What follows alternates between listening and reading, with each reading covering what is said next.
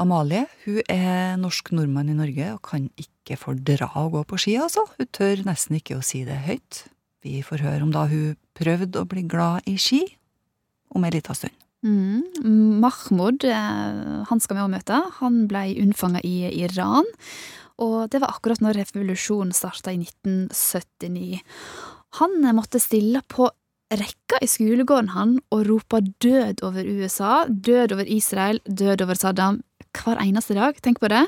Sånn behandler man, eller jeg vet ikke om de gjør det fortsatt, men i hvert fall for 30 år siden. Da behandla de ungene sånn i Iran. Mm, og han møter vi om ikke så altfor lenge. Mm. Ja.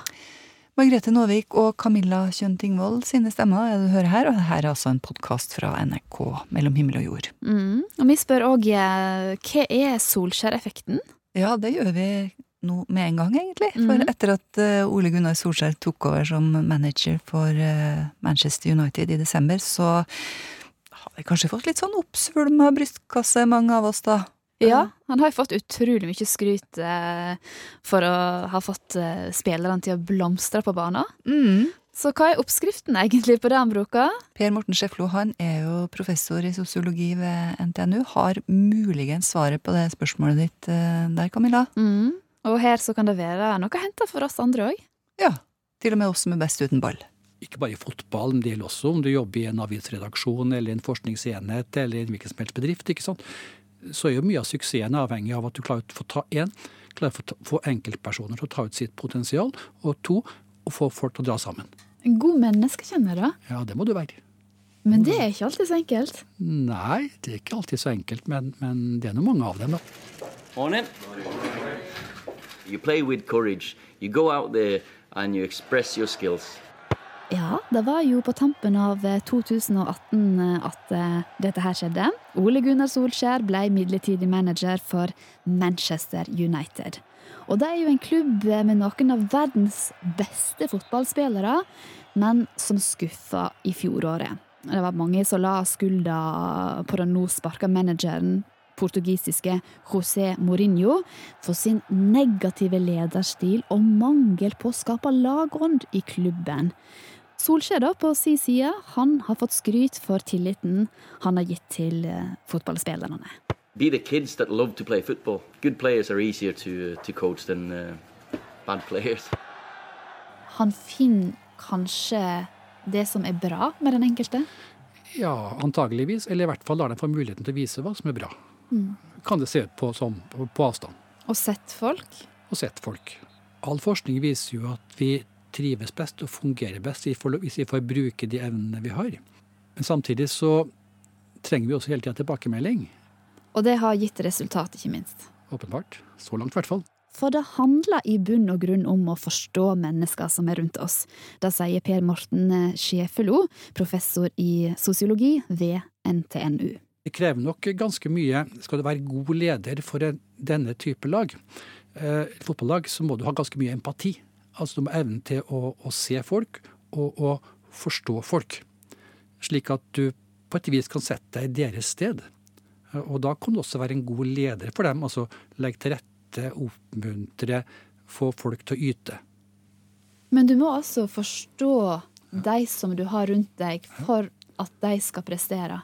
Ja, I denne type kultur og sammenhenger så må det nok det. Så, så empati er, er en ganske viktig lederegenskap hvis du vil ha et høytydende lag. Men det er også klart knytta til si, den kulturen du har vokst opp i, og, og den kulturen som preger det arbeidslivet som du er en del av. Her i Norge, hva slags nasjonale særtrekk har vi her? Altså I internasjonal komparativ kulturforskning Vanskelig ord. Vanskelig ord. Da sammenligner man kulturelle hovedtrekk i ulike, ulike samfunn. Og en dimensjon som man finner når man gjør det, er det som på fagspråket kalles maktdistanse. Og, maktdistanse, det går på hvordan over- og underordnede opplever at maktfordelingen skal være. I et land med stor maktdistanse så bestemmer sjefen den overordnede alt, og den underordnede ingenting. Mens i et land med liten maktdistanse så er det mye mer likestilt. Det vil si at den overordna bestemmer mindre og overlater mer til den underordnede. Så er jo Norge er jo, vi er jo på den ene ytterkanten. ikke sant? Vi er, har ekstremt lav maktdistanse. Og, det betyr at norske arbeidstakere forventer innflytelse og medvirkning og blir tatt på alvor. Og ledere forventer at ansatte tar ansvar. Og så oppstår problemene da hvis, hvis uh, en leder med, som kommer fra én type kultur med høy maktdistanse, møter ansatte som kommer fra en annen kultur. Uh, og Tilsvarende kan du tenke deg at kanskje Storskjær er en av dem som da kommer fra den kulturen med relativt lav maktdistanse. Noe som umiddelbart sier at, at, da gir du dine ansatte, dine spillere, stor grad av frihet og forventer at de tar ansvar. Og Hvis du da har spillere som har på en måte samme type forventning, så får du en god harmoni.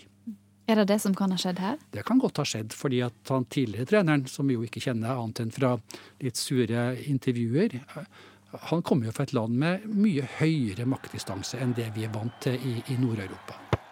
Det er altså ikke noe vits i å kjøre sololøp om du skal få mennesker rundt deg til å blomstre.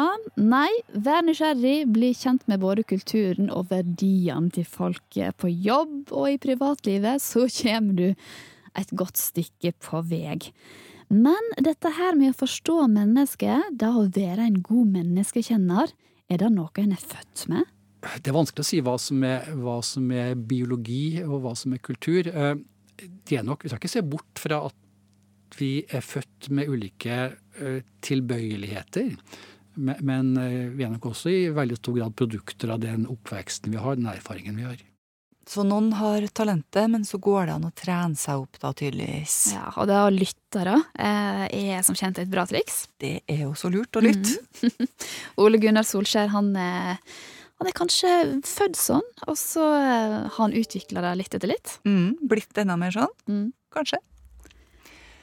I år, eh, i 2019, så er det 40 år siden sjahen av Iran måtte pakke sammen sakene sine og forlate landet sitt. Det hadde vært uro i Iran ei tid allerede, og så eskalerte det rundt årsskiftet, da. Mm. 1979. Eh, Ayatollah Khomeini han eh, tok etter hvert over styringa av landet, og det ble en islamsk stat, det her. Og du hadde lyst til å snakke med, med en som har bakgrunn i Iran, ikke sant? Mm. Som menn bor her i landet. Som bor her i landet. Jeg har jo snakka med en del iranere gjennom jobben opp gjennom tida. Og så så jeg han Mahmoud Farahman på Dagsrevyen. Han eh, er sånn sikkerhetsrådgiver, så han driver og snakker om denne kidnappingssaken. Mm. Jeg har gjort i det siste, og så tenkte jeg han Mahmoud, han er en fin fyr. Ja, og så skjønner jeg sånn at eh, han bodde i Iran som liten, ikke sant? Mm. De første åtte årene av livet så bodde han der. Så, og når jeg googla han, så fant jeg ut at han var jo faktisk unnfanga akkurat da sjahen av Iran forlot landet. Så her er Mahmoud. 15, ja, det ble faktisk unnfanga, det stemmer. Jeg er født 15. september, så det er ikke så langt unna. ja, sant? Så et ekte barn av revolusjonen, på en måte. Det kan nok trygt sies. Du bodde i Iran i åtte år, var det ikke sånn? Jeg bodde i Iran fram til jeg var åtte, og kom til Norge da. Ja, Hva husker du fra den tida i Iran? Fra barndommen? Jeg husker faktisk ganske mye. Jeg eh, gikk jo på skole der i to år i Iran. Eh, og jeg husker tida i barnehage. Jeg husker at jeg var svært rampete. Eh, og jeg husker gatene, og jeg husker bombarderingen av byene under krigen med Saddam. Eller med Irak, som det var. Iran-Irak-krigen. Mm. så jeg har uh, veldig mange gode minner fra Iran, og så har jeg noen mindre gode minner. Fortell litt om uh, den hvordan det var å være barn der. Har du noen sånn konkrete minner? Ja, fordi skolen var jo et uh, viktig prosjekt for den islamske republikken. Ja. Iran, uh, Skolen skulle på en måte være stedet der man spredte, spredde revolusjonens budskap, hvordan skolen aktivt ble brukt til det, og hvordan disse gamle lærerne som hadde vært lærere under sjahen, sleit virkelig med å overbringe denne, dette budskapet med troverdighet. Uh, og det, det, det, er liksom det. Og det hvordan, hva skal man si, Når jeg ser mine barn nå, min sønn går i andre klasse, og jeg slutta jo, altså flytta fra Iran da jeg gikk i andre klasse. Uh, vi, sto opp, altså vi sto oppstilt hver morgen fra hva skal man si, de, de øverste klasse, klassene, altså sjette klasse fremst, første klasse bakerst, fra oppstilt etter høyde. Eh, og så var det på lørdag, som var første arbeidsdag i uka, så var det inspeksjon av negler og hår. Og så gikk vi over til å rope, og det var hver dag, eh, rope 'død over USA', 'død over England', 'død over Saddam', 'død over Israel'. Samtidig Skikkelig sånn eh, Ja. kraftig hjernevask, da.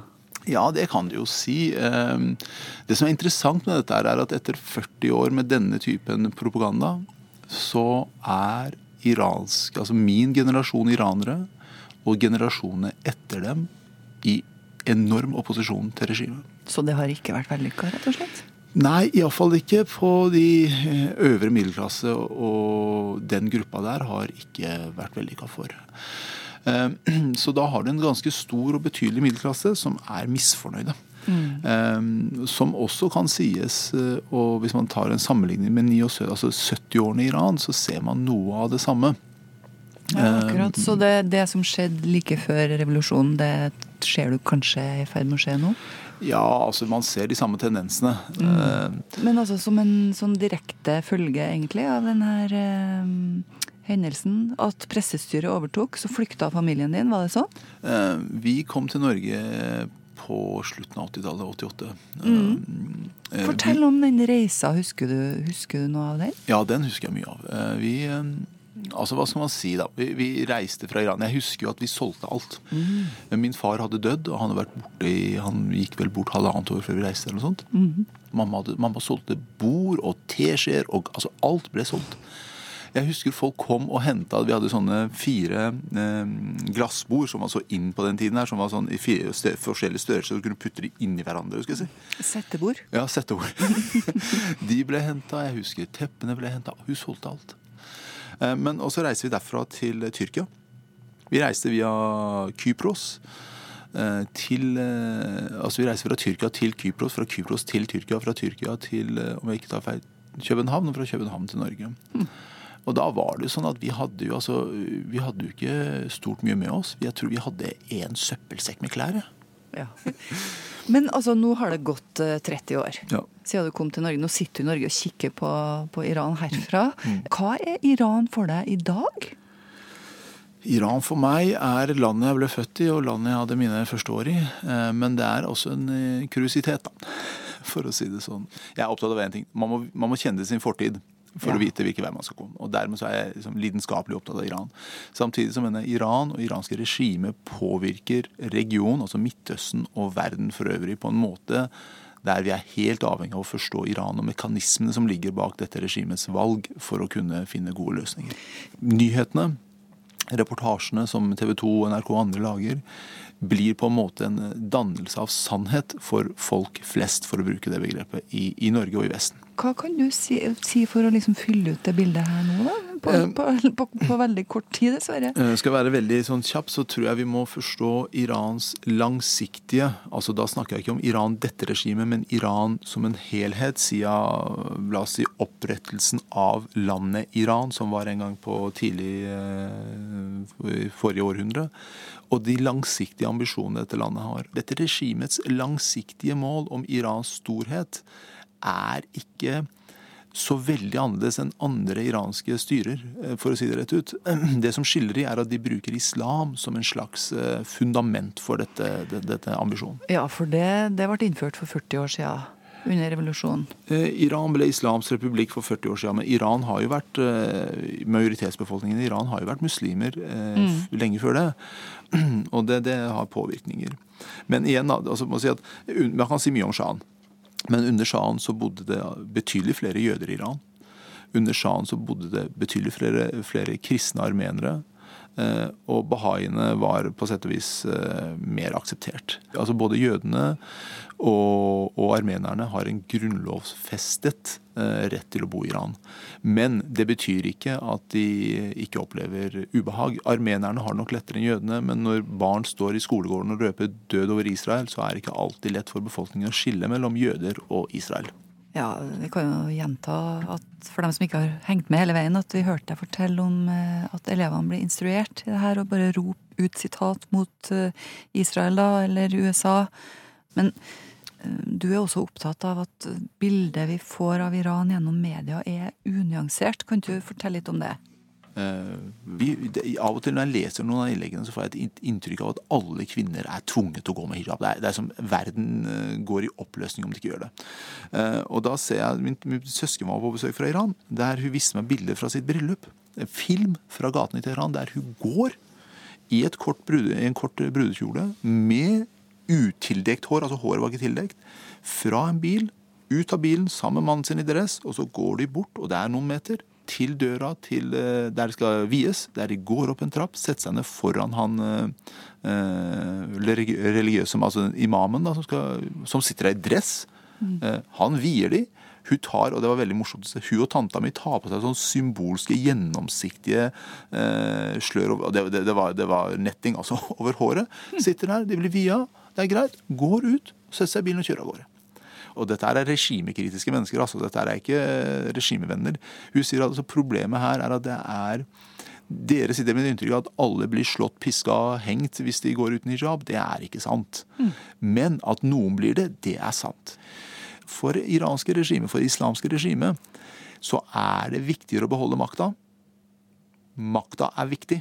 Hijaben er mindre viktig. Så det er en del nyanser her som forsvinner i debatten, og det syns jeg er forferdelig trist. Vi er ikke kjent med, det, med den der greia der jeg som skribent eller andre skribenter eh, snakker om eh, disse forholdene som svart-hvitt. Det er det ikke. Ikke i Iran heller. I Iran kan du reise på restauranter på den Chalos-veien, som det heter, fra Teheran til, eh, til Det kaspiske havet, som er et veldig fint område. Der kan du på enkelte av disse restaurantene faktisk få tak i drikkevare, og det trenger ikke være så jævla gjøre. Han kommer forbi, og så, det er jo som ting jeg har fått skissert. Går forbi og sier han eh, 'vil du ha noe drikke', så sier du 'ja, jeg vil ha, eh, jeg vil ha sånn sånn', og så, og så, ser han litt på deg, så kan du 'ja, vil du ha litt brennevin nå'? Så sier du ja, ja så kommer jeg med en vannflaske som er fylt med brennevin, og så, og så sitter du der og drikker det og ser ut som vann. Hmm. Mahmoud Farahman, hva savner du med Iran? jo, nå skal jeg fortelle hva jeg savner. Jeg savner ferskentre i hagen vår eh, i det første huset vi bodde i. det å kunne gå ut uh, på sommeren og ha tilgang til ferske ferskener, det var, uh, det var faktisk veldig hyggelig. Nå får jeg tårer i øynene når jeg snakker om det, av alle ting i verden. Ja. det er ikke de store tinga, men det er de små tingene. Har du vært der senere? Nei, jeg eh, har eh, ikke vært der. Og jeg har heller ikke iransk statsborgerskap. Jeg har sagt opp, så da er det problemet løst for min del. Kan du reise dit, da? Om jeg kan, er én ting. Om jeg eh, vil og kommer tilbake igjen, det, det er noe helt annet. så man kommer seg jo alltid inn til, alltid sin til Iran. Det er bare å kjøpe en billett. Men om jeg da kommer gjennom flyplassen og kommer like helt tilbake, det, det tviler jeg på. Og eh, jeg kjenner jo meg selv såpass godt at jeg har ikke tålmodighet til å stå et eller annet og krangle med en uh, moralpolitikar. Uh, så da tror jeg nok det er best jeg lar være, og heller leser og følger med fra avstand. Og så får jeg håpe at før jeg går bort og blir tilintet, at mulighet åpner seg så jeg kan reise til Iran. Ja, dette her det var Mahmoud Farahman, født i Iran i 1979. Et revolusjonsbarn der, altså. Mm. Faraman, det høres jo litt sånn norrønt ut, mm. er ikke det? Faraman. Faraman. Tenk å kunne gå ut barbeint sånn som han gjorde, og hente seg en fersken rett fra treet. Ikke rart at han fikk litt eh, klump i halsen da han snakka om det her, syns ikke jeg, der han sitter i vinterlandet 30 år etter at han reiste med mor og søster fra Iran. Men går han på ski? det, det spurte ikke jeg om. Men det tror jeg kanskje han gjør. Ja, for er Grunnen til at jeg spør om det, Margrethe, det er jo eh, fordi at det er så mye snakk om ski for tiden. Både på TV og i sosiale medier. Mm. Liker du å gå på ski, eller? Uh, må jeg svare på det? Ja. uh, nei, men det er nok fordi at jeg ikke er så vant med det. Mm. Ja, så jeg tilhører kanskje en av de som som ikke spenner skia på beina om vinteren. Jeg, jeg syns det er ganske fint med oppoverbakker og flater, men ikke nedoverbakker. Ah, nettopp. Det er mm. der jeg òg er. Ja. Jeg var liksom på skidagene ja. i gamle dager, så var jeg den første opp. Men nedover, da fikk rumpa kjørt seg. Best på oppoverbakker, Camilla ja. og Margrethe. Det er det her bildet av nypreparerte løyper og røde anorakker eller, eller sånne blå dæljakker. Det er veldig mange som har. Og Kvikk Lunsj, appelsin, kakao på termos. Det her er jo sjølveste bildet på norsk vinter. Ikke det? Mm. Så hvordan er det å ikke trives i skiløypa? Nå har jo vi sagt vårt, men uh, hva sier Amalie Lereng? Hun bor òg i dette vinterlandet. Det er liksom hele opplegget. Det er veldig mye tiltak bare å komme seg ut til fjells. Du skal pakke så mye utstyr. Så når du endelig har kommet deg opp dit, så begynner du nesten å bli sulten igjen, føler jeg for det tar så lang tid. Og så kommer du ut, så er det kaldt og surt, og så er det en sånn forventning om at å, dette skal bli så kjekt. Og så er det et eller annet med den følelsen som sånn kla- klaustrofobi av å liksom ha ski på beina, for jeg tryner veldig ofte. Så sitter skien fast i snøen, og så får du ikke deg opp, og så suser folk forbi deg og roper 'løype'. Amalie Lereng er journalist i Aftenposten, samboer og mamma til en gutt på ti måneder, og hun hater å gå på ski. Det er jo veldig ydmykende, da. Det går jo på stoltheten løs, da, spesielt når du, er vant til å mestre det meste innen sport. Men akkurat ski det har jeg aldri mestra, så jeg føler jo meg som en idiot. Sant? For når du ser det kommer unger forbi deg i full fart, og så ligger du der snart 30 år gammel og har ikke sjans. Motstanden mot å ha planker på føttene starta som barn, og da Amalie var tolv år, la skien på hylla. Men som voksen ville Amalie gi skitur en ny sjanse. Tenkte nå blir det andre boller, nå er jeg blitt eldre, nå, nå blir dette mye bedre enn det var da jeg var liten. Stakkars mamma og pappa, for de er kjempeflinke å gå på ski, de har virkelig prøvd, altså. Men det var verre da jeg, eh, da jeg og samboeren kjørte opp til Frognerseteren og skulle prøve for første gang, for det, det, var, det var pinlig. Amalie har ikke hatt ski på beina på nesten 20 år, og hun tryner på flata flere ganger. Til slutt så blir det så gale at jeg tenker dette er så flaut at nå må jeg late som jeg er dansk. Så jeg prøvde liksom når folk gikk forbi meg da og ropte 'løype'. 'Løype!' Så enda jeg med bare 'Ja, jeg skal fly med!' Og prøvde å være dansk, da.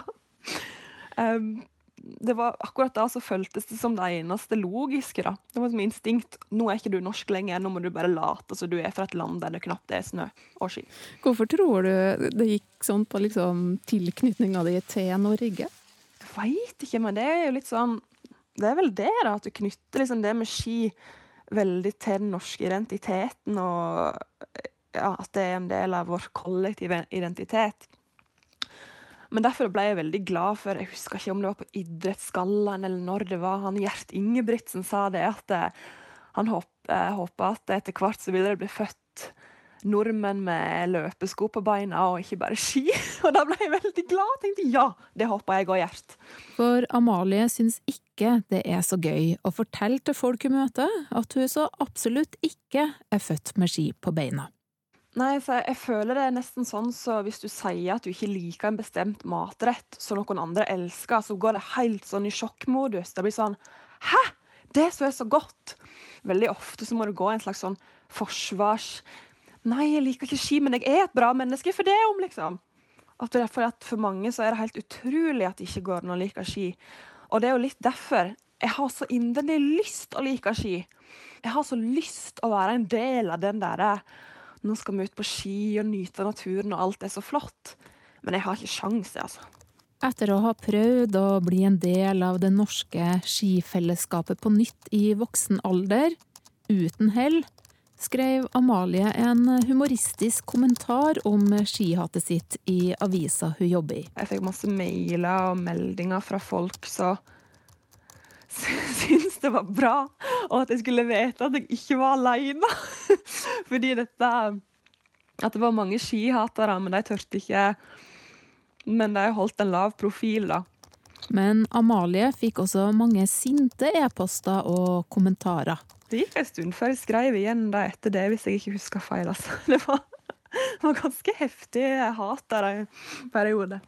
Så nå, nå, snakker jeg om dette her igjen, og da håper jeg at jeg ikke får så mye kjeft. I avisa skrev Amalie at det verste med å hate ski, er at alle andre nordmenn ser ut til å elske det.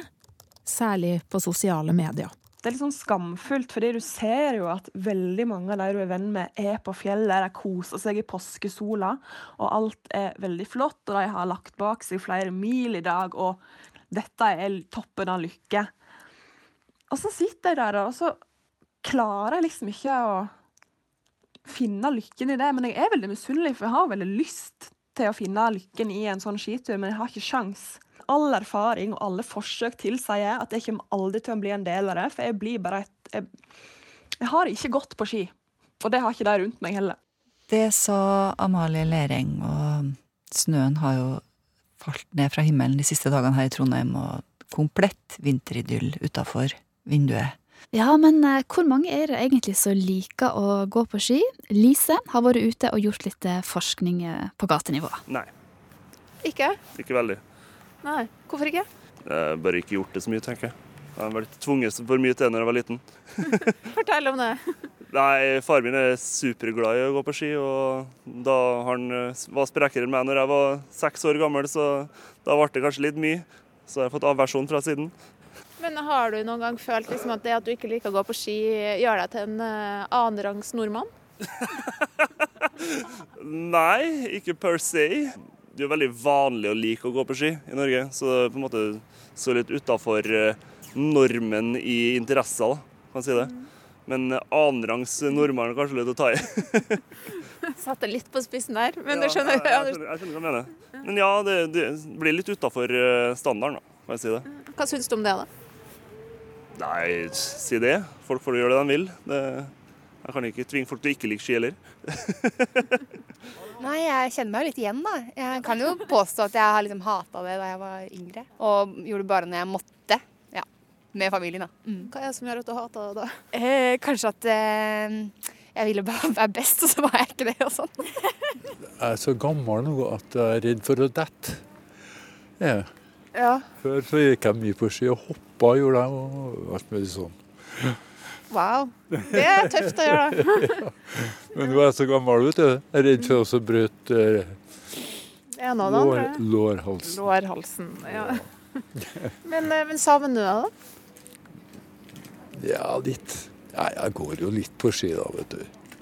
Ja, jeg gjør jo det. Jeg, jeg kan ikke si at jeg er så veldig glad i det. Jeg, jeg, må bli, jeg må bli dratt med av andre. Ellers så Jeg gjør det ikke så mye på eget initiativ. Hvorfor ikke? Jeg vet ikke helt. Jeg liker bedre å gå vanlig tur. Jeg sikkert likte det hvis jeg har uh, gidda, men skien er brent, for å si det sånn. Hvorfor det? Begynner jo, Det har litt med alder å gjøre. og jeg kan jo si eh, Fritidssyslene eh, er mer tilpassa eh, fysikken, alder og litt sånn. Jeg skulle ha klart å gå på ski, men det blir for mye styr. Så det er ikke min greie lenger. Jeg har gått mye på ski. Hva tenker du om eh, unge folk som ikke liker å gå på ski? da? Nei, De går jo glipp av eh, noe som var, i hvert fall som jeg synes var veldig gøy. Jeg hadde stor glede av. Så både hoppa og kjørt slalåm og gått langrenn og alt som kan gjøres på ski. Så jeg har jo bare gode minner om det. Så det er jo leit at de ikke får den eh, hva skal jeg si, gleden, da, livserfaringa med å gå på trynet i snøen. Da. For det er kult, altså. Det er jo det. I hvert fall mulighet til å reise seg igjen. Jeg liker å stå på ski. Jeg liker veldig godt den naturen og, og bare være ett med skisporet. Eller være ett med himmelen eller utsikten, og så være venner. Ja, vakkert. Ja, veldig. Hva tenker du om at han kompisen din ikke liker å gå på ski? Nei, det er det som man sier. Folk får gjøre det de har lyst til. Så klager ikke jeg. Men Hvor viktig er ski for den norske identiteten? Det har blitt veldig viktig. Det har det. Og du ser jo bare hvordan um, vi legger så mye merke til langrenn på TV og, og lignende, og mens resten av verden bryr seg nesten ingenting om langrenn.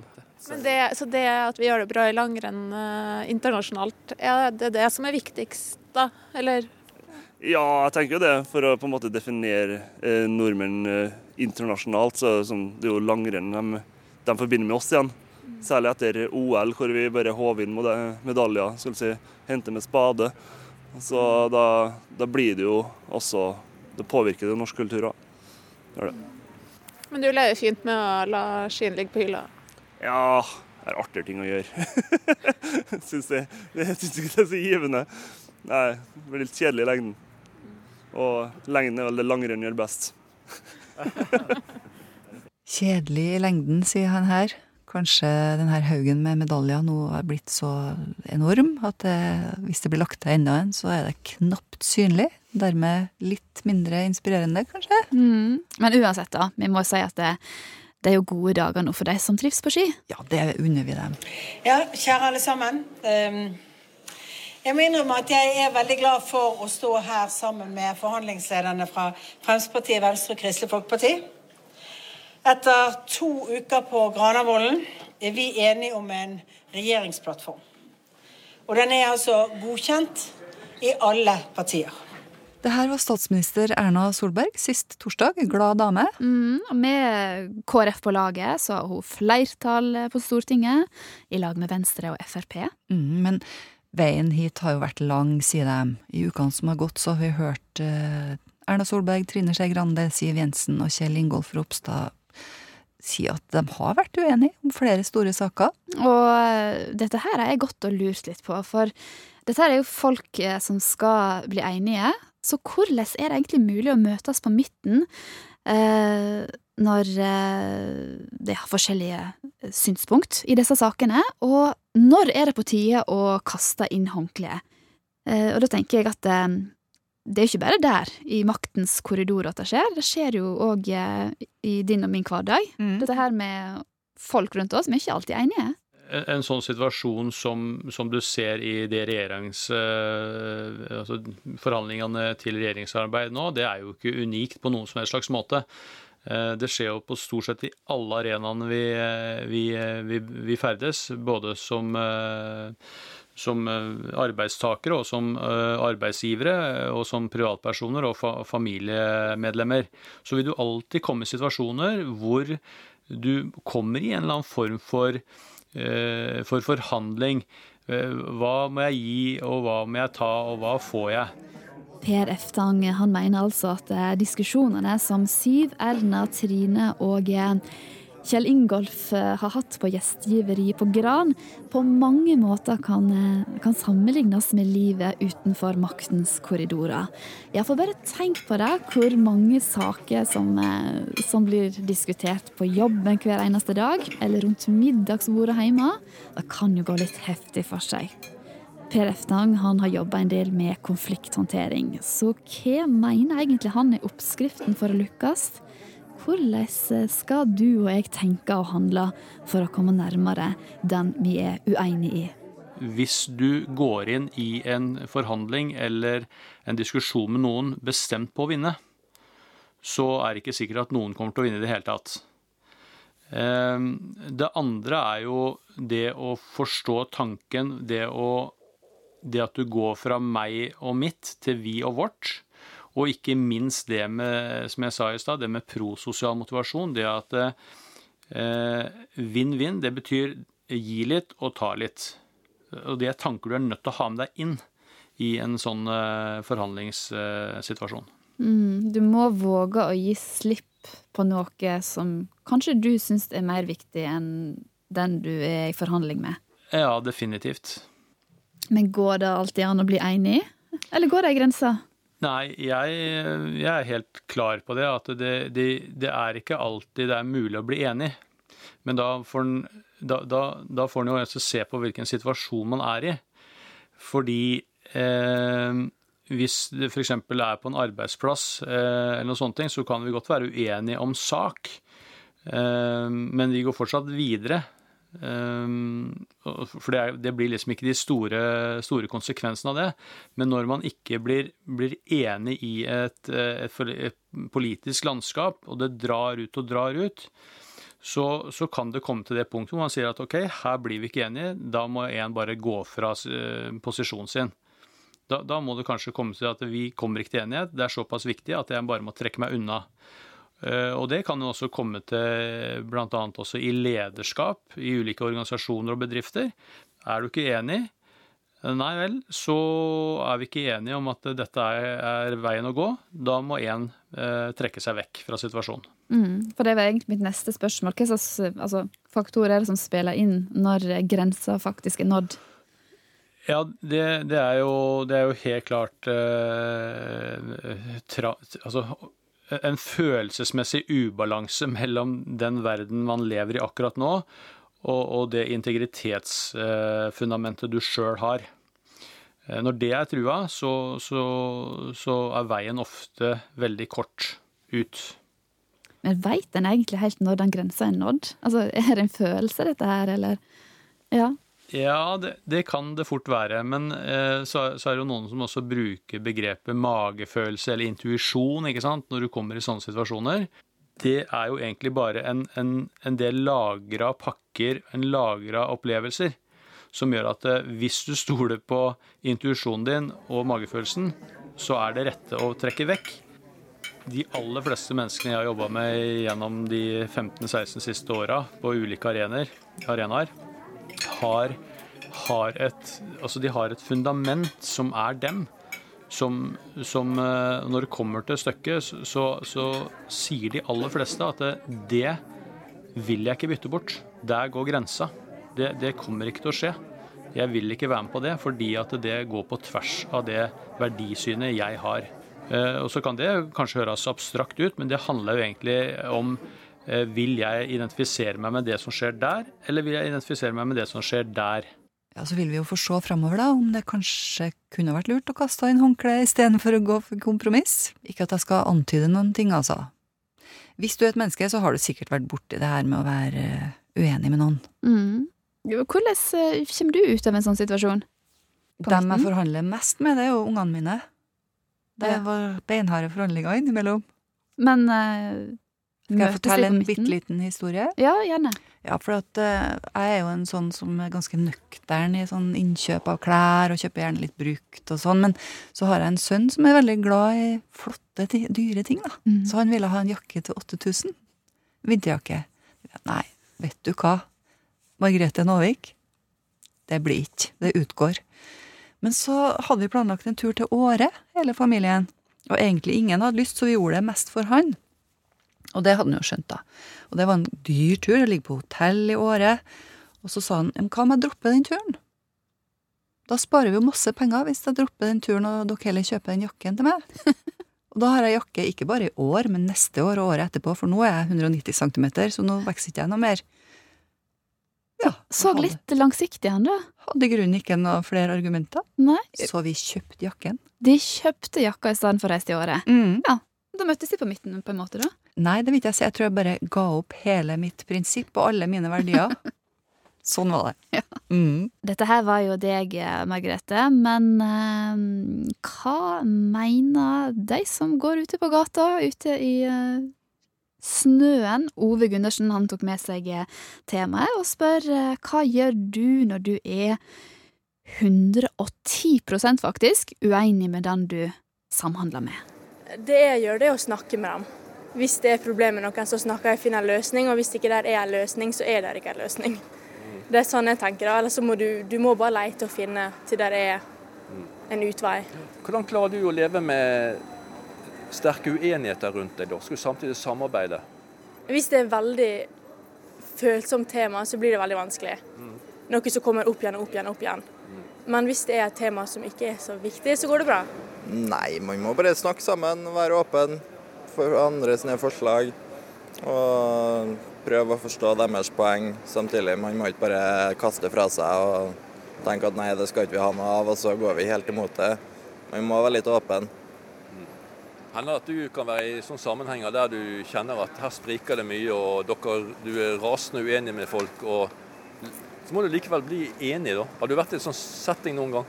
Vel, jeg jobber jo i kundebehandling da, på, i butikk, og jeg vil si meg veldig uenig i kundene mine eh, hver dag. Men eh, vi smiler, og så sitter vi nå. Så av og til så må man bare takle det. Svelge noen kameler? Ja.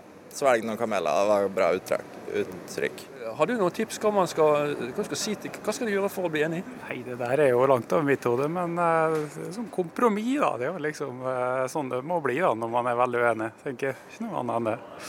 Ja. Men jeg, det er lett for å tenke at jeg vil gjerne ha mitt igjennom, da. Og så, det, det smerter vel å Selvfølgelig, det er derfor det er vanskelig, og derfor det er politikk og de driver og diskuterer opp og ned mente. Da. Det er jo på en måte sånn det skal være, det, tenker jeg. Det er jo viktig, egentlig. at det kommer fram alle meningene, eh, både ene retninga og andre retninga, skulle jeg si. Så, ja. Har du noen ganger vært i en sammenheng der du har eh, strevd litt for å bli enig med noen, da? Enten i nær eh, relasjon eller i ja, ja, mange ganger.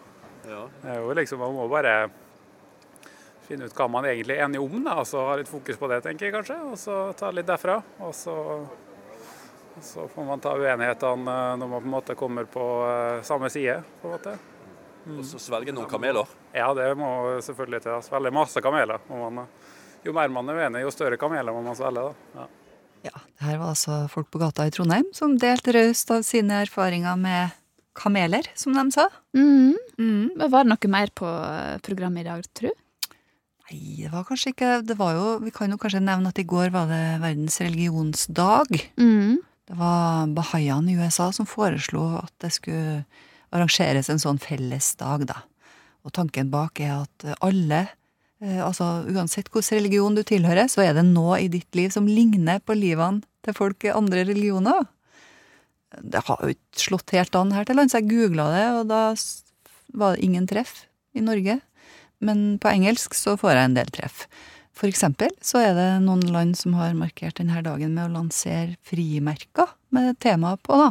I Kongo så fikk de designa et frimerke med jordkloden. Og så rundt, eh, rundt jordkloden så var symbolet til mange forskjellige religioner. Og så sa teksten 'Gud er kilden til alle religioner'.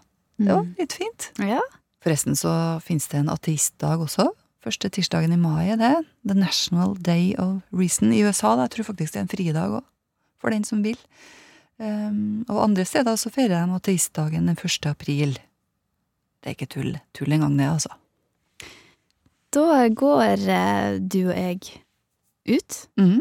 Margrethe Nåvik og Camilla Kjønn Tingvold eh, prøver å samle tanker og spørsmål til neste søndag. Mm, og det vi vet så langt, det er at det blir om bønn. Mm. For hva er egentlig forskjellen på bønn og meditasjon eller yoga? Ja, for er disse to tilstandene i slekt? Ja, det skal vi prøve å finne ut av til neste søndag. Ha det bra! Ha det, ha det.